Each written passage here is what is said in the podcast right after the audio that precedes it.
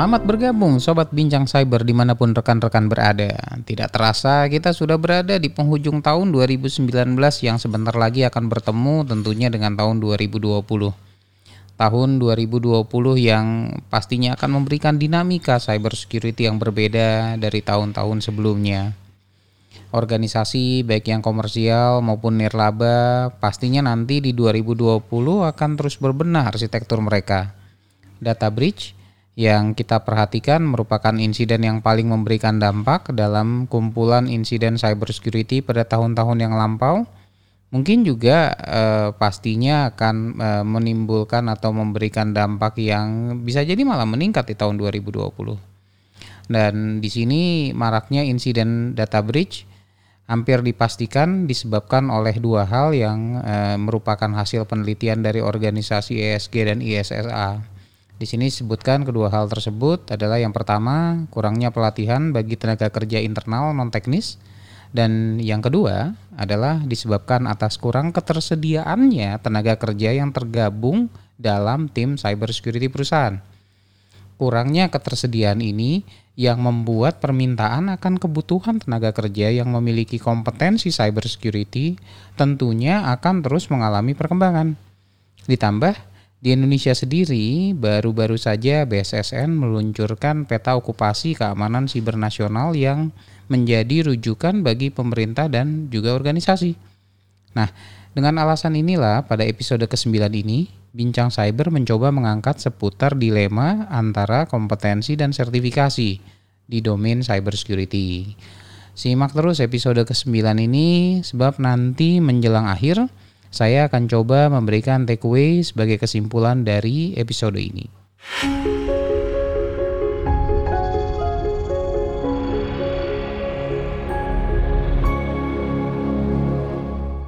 Digital Transformation dan Industry Revolution 4.0 yang kita saksikan telah berhasil merubah mulai dari cara bagaimana rutinitas keseharian hingga cara bagaimana kita bekerja. Perkembangan ini melahirkan banyak sekali role dan posisi baru, bahkan oleh World Economic Forum pada penelitian di akhir 2018 yang lalu menyebutkan bahwa di tahun 2020 nanti terdapat sepertiga on-demand skill baru yang timbul sebagai akibat dari perubahan landscape dan bertambahnya prosentase otomatisasi pekerjaan. Hal ini tentunya akan menuntut kita untuk terus belajar mengikuti perkembangan agar tetap memiliki peluang meski terjadi dengan adanya dinamika perkembangan dunia pekerjaan, khususnya untuk sobat yang ingin berkarya di domain cybersecurity. Nah, untuk inilah dalam episode ke-9 di Bincang Cyber ini, saya akan membahas pula mengenai K3. Apa itu K3? Yaitu pertama keilmuan, keahlian, dan kemampuan. Cybersecurity adalah sebuah domain besar yang di dalamnya terdapat banyak rumpun cabang keilmuan Kebanyakan pemula yang hendak masuk ke domain ini sering kali salah kaprah jika mereka berpikir bahwa cybersecurity hanya terdiri dari satu keilmuan. Semakin lama seseorang aktif dalam mempelajari domain cybersecurity ini, maka akan semakin banyak rumpun keilmuan yang akan ditemukannya.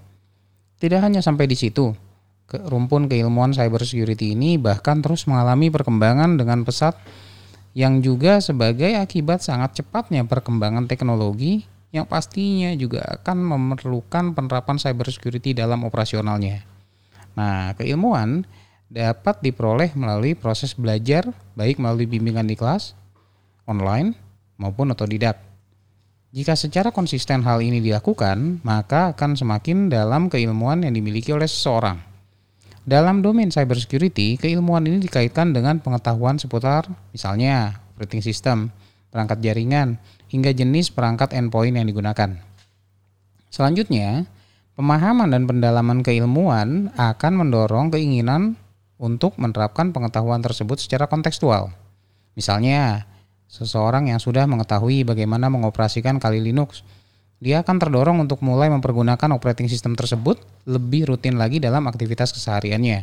Nah, kembali lagi, jika seseorang telah memahami satu atau beberapa keilmuan, kemudian dia terdorong untuk menerapkan semua keilmuan yang diketahuinya, maka saat itulah dia sebenarnya membangun keahliannya.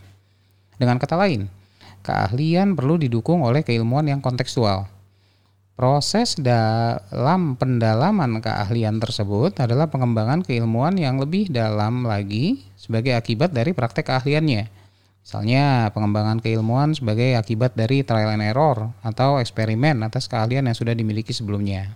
Nah, di sini dengan kata lain, keahlian akan terus berkembang disebabkan atas perluasan keilmuan yang berhasil diperoleh dari pengalaman penerapan keilmuan tersebut. Contoh lain, seorang yang telah memahami cara menggunakan operating kali Linux akan terdorong untuk mempergunakan lebih sering sehingga semakin banyak hal yang mampu dilakukannya dengan mempergunakan operating system kali Linux tersebut. Nah, di sinilah keahlian tersebut terbentuk. Kemudian, keberhasilan untuk mengembangkan keahlian tadi akan kemudian juga mendorong timbul atau bahkan meningkatnya kemampuan seseorang sebagai akibat dari repetisi penerapan lebih dari satu keahlian. Seseorang dianggap memiliki kemampuan sebagai peretas misalnya jika dia telah membuktikan keahliannya atas satu atau lebih aktivitas peretasan yang dilakukannya berdasarkan keilmuan yang dimilikinya. Sebagai contoh lain, seseorang yang dianggap memiliki kemampuan untuk melakukan ethical hacking adalah orang yang memiliki beragam keilmuan tentang jenis-jenis operating system, cara melakukan scanning atau enumeration yang diketahuinya, dan kemudian orang tersebut juga memiliki keahlian untuk menerapkan metode scanning yang sesuai dengan konteks operating system yang menjadi target penyerangan hingga dianggap memiliki kemampuan jika berhasil melakukan peretasan sebagai akibat dari berbagai keahlian atas scanning port operating system, lateral movement mungkin, exploit yang dikuasainya. Nah, sehingga kita sampai pada satu kesimpulan dari rantai ini bahwa kemampuan diterjemahkan sebagai kadar tingkat penguasaan dari keahlian seseorang dalam menerapkan satu atau lebih keilmuan yang dimilikinya.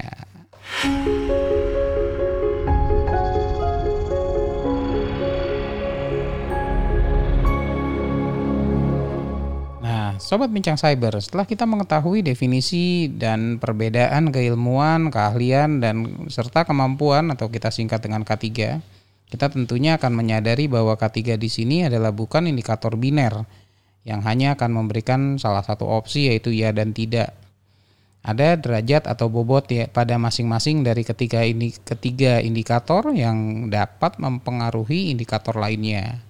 Peningkatan bobot keilmuan bisa mendorong peningkatan bobot keahlian dan juga seterusnya hingga sampai kepada level kemampuan. Nah, sehingga kita perlu juga ada satu indikator lainnya yang mampu melihat derajat atau bobot keseluruhan dari K3. Indikator inilah yang disebut dengan kompetensi. Nah, dengan kata lain, kompetensi adalah merupakan bobot penilaian gabungan atas keilmuan, keahlian, dan juga kemampuan. Jadi menyeluruh ya. Nah, pentingnya kompetensi di dalam domain cybersecurity disebabkan oleh dua hal. Yang pertama disebabkan oleh unsur taktikal dan kemudian yang kedua adalah strategik. Faktor taktikal memberikan kejelasan kepada tenaga kerja cybersecurity atas apa yang saat ini diperlukan untuk dapat dianggap memiliki kompetensi tersebut. Kemudian faktor strategik bertujuan untuk memberikan arahan kepada tenaga kerja cybersecurity mengenai apa yang perlu dipersiapkan untuk tetap dapat dianggap memiliki kompetensi tersebut. Artinya long run. Jadi kita bicara yang tadi faktor eh, tactical adalah faktor saat ini, kemudian faktor strategik adalah faktor yang berkesinambungan jangka panjang. Nah, kemudian jika kita melihat kompetensi sebagai proses, jadi kita bisa melihat ini semua kompetensi sebagai sebuah proses dan bukan hasil akhir. Karena dinamika cybersecurity terus selalu mengalami perkembangan. Maka tentunya hal ini akan menyebabkan juga terjadinya perubahan pada indikator K3 tadi.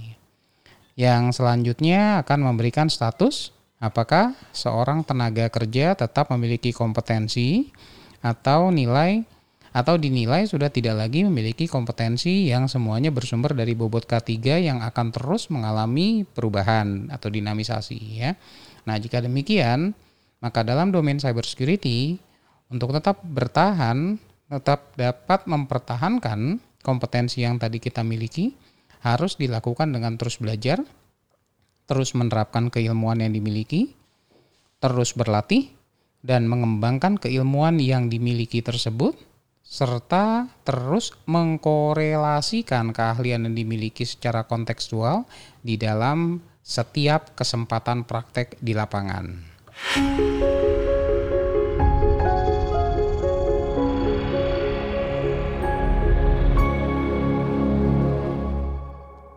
Pada tanggal 12 Desember 2019, BSSN meluncurkan peta okupasi keamanan siber nasional.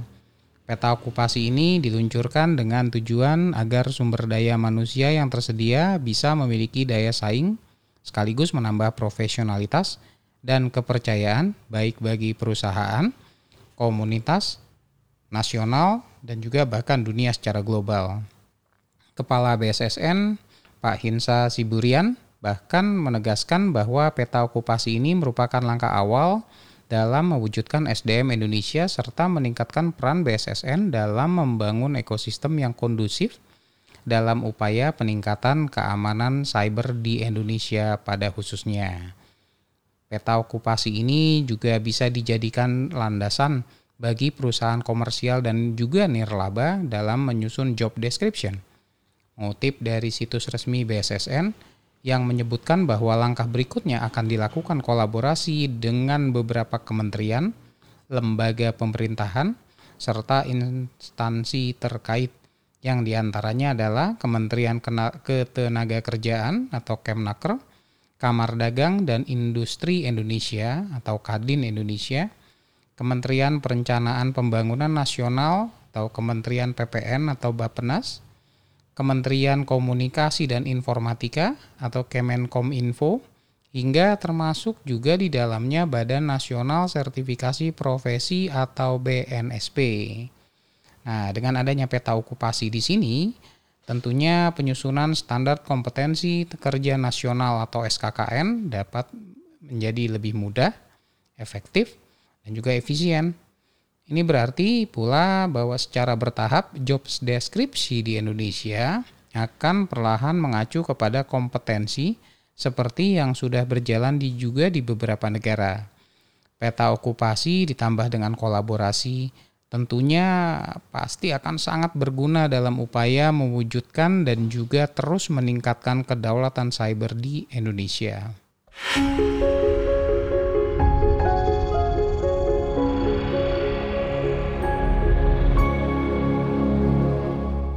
Beberapa penelitian di tahun 2018 dan 2019 telah menemukan bahwa terdapat gap yang semakin besar antara permintaan dan ketersediaan human resources pada role cybersecurity.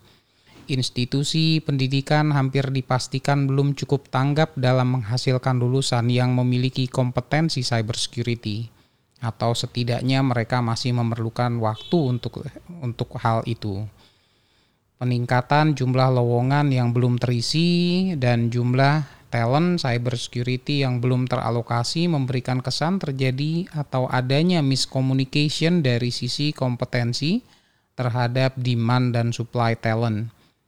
Kekosongan jabatan ini bahkan kemudian dimanfaatkan oleh para ethical hacker dalam memperoleh pemasukan atas temuan bug atau istilahnya bug bounty. Hasil penelitian yang dilakukan oleh Forbes menghasilkan e, sebuah perkiraan bahwa jumlah tenaga bug bounty ini akan terus berkembang sehingga menjadi lebih dari satu juta orang dalam beberapa tahun ke depan. Berkembangnya jumlah ethical hacker ini sebagian besar disebabkan oleh semakin tersedianya pendidikan non formal di luar kelas melalui pelatihan gratis ataupun berbayar seperti misalnya Cyber Ace Hacker One on 101, Google Gruyere, Cybery, dan masih banyak lagi. Selain untuk menambah keilmuan, keahlian, dan kemampuan, bisa dilatih juga melalui kompetisi Capture the Flag atau CTF. Saat episode ini direkam, setidaknya saya menemukan ada 26.300 ethical hacker yang menjadi member dari situs HackerOne yang ber, yang belajar mempergunakan lab Capture the Flag milik Hacker 101.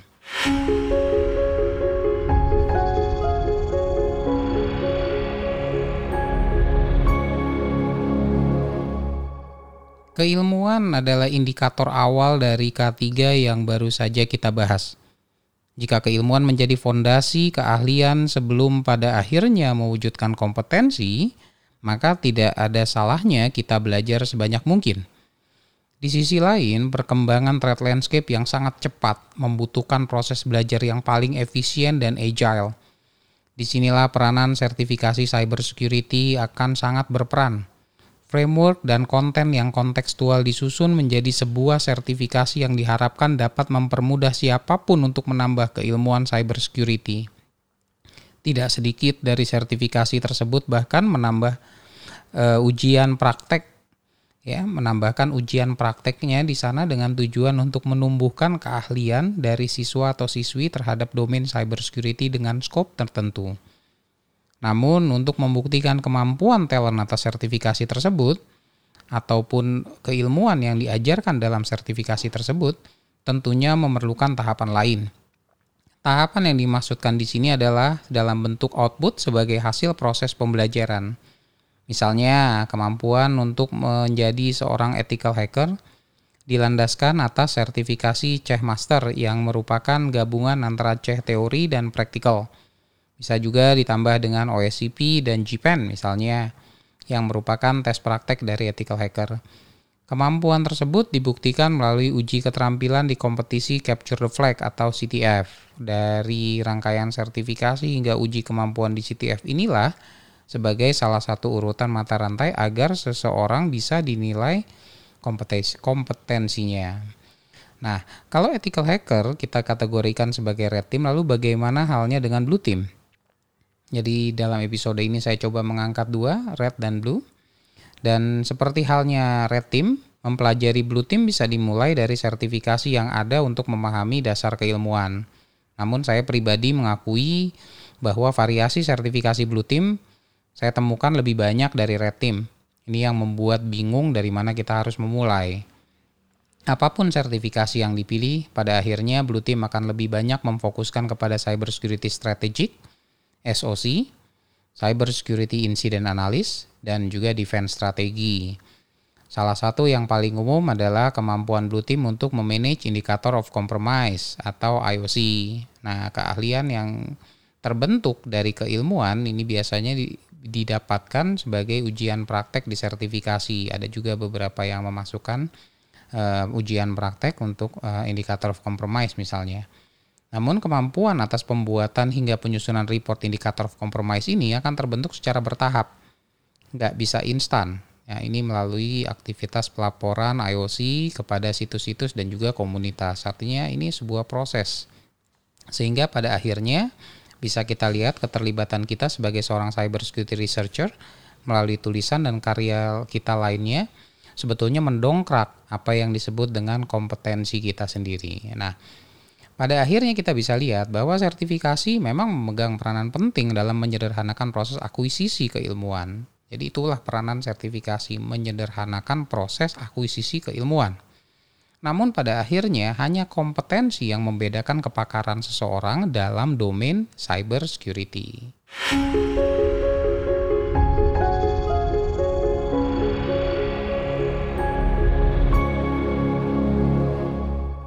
Sebelum saya mengakhiri episode ke-9 dari podcast Bincang Cyber ini, ada beberapa hal yang saya rasa cukup penting untuk dijadikan takeaway. Yang pertama, kompetensi merupakan hal yang penting dalam proses pemetaan supply dan demand talent cyber. Ini sangat membantu kesiapan talent dari sudut pandang taktikal dan strategi. Yang kedua, kompetensi diperoleh dengan bersumber pada bobot dari K3, yaitu keilmuan, keahlian, dan kemampuan. Yang ketiga, sertifikasi sangat membantu bagi yang ingin mempelajari cybersecurity secara cepat dan juga efisien. Namun, memiliki sertifikasi bukan berarti mempunyai kompetensi. Yang keempat, kemampuan dapat terus dikembangkan pasca memperoleh sertifikasi dengan cara berperan aktif melalui kompetisi dan output penelitian. Sehingga pada akhirnya kita juga akan e, mendorong eh, pada akhirnya semuanya itu akan mendorong kompetensi yang kita miliki. Nah, yang kelima tuh yang terakhir, kolaborasi dan peran aktif dalam komunitas dipercaya mampu untuk tetap menjaga penilaian kompetensi talent cyber security. Nah, Sobat Bincang Cyber, kita sudah sampai di penghujung episode ke-9 yang membahas tentang kompetensi dan sertifikasi dalam cyber security. Jika Sobat menyukai konten podcast ini, mohon untuk subscribe dan berikan reviewnya di iTunes. Terima kasih untuk yang sudah subscribe di Spotify. Kemudian feedback dapat dikirimkan melalui situs bincangcyber.id termasuk usulan topik cyber security yang ingin dibahas. Saya Faisal Yahya, host Bincang Cyber, undur diri dan terima kasih sudah mendengarkan episode ke-9 ini. Sampai bertemu di episode lainnya di Bincang Cyber. Stay tune.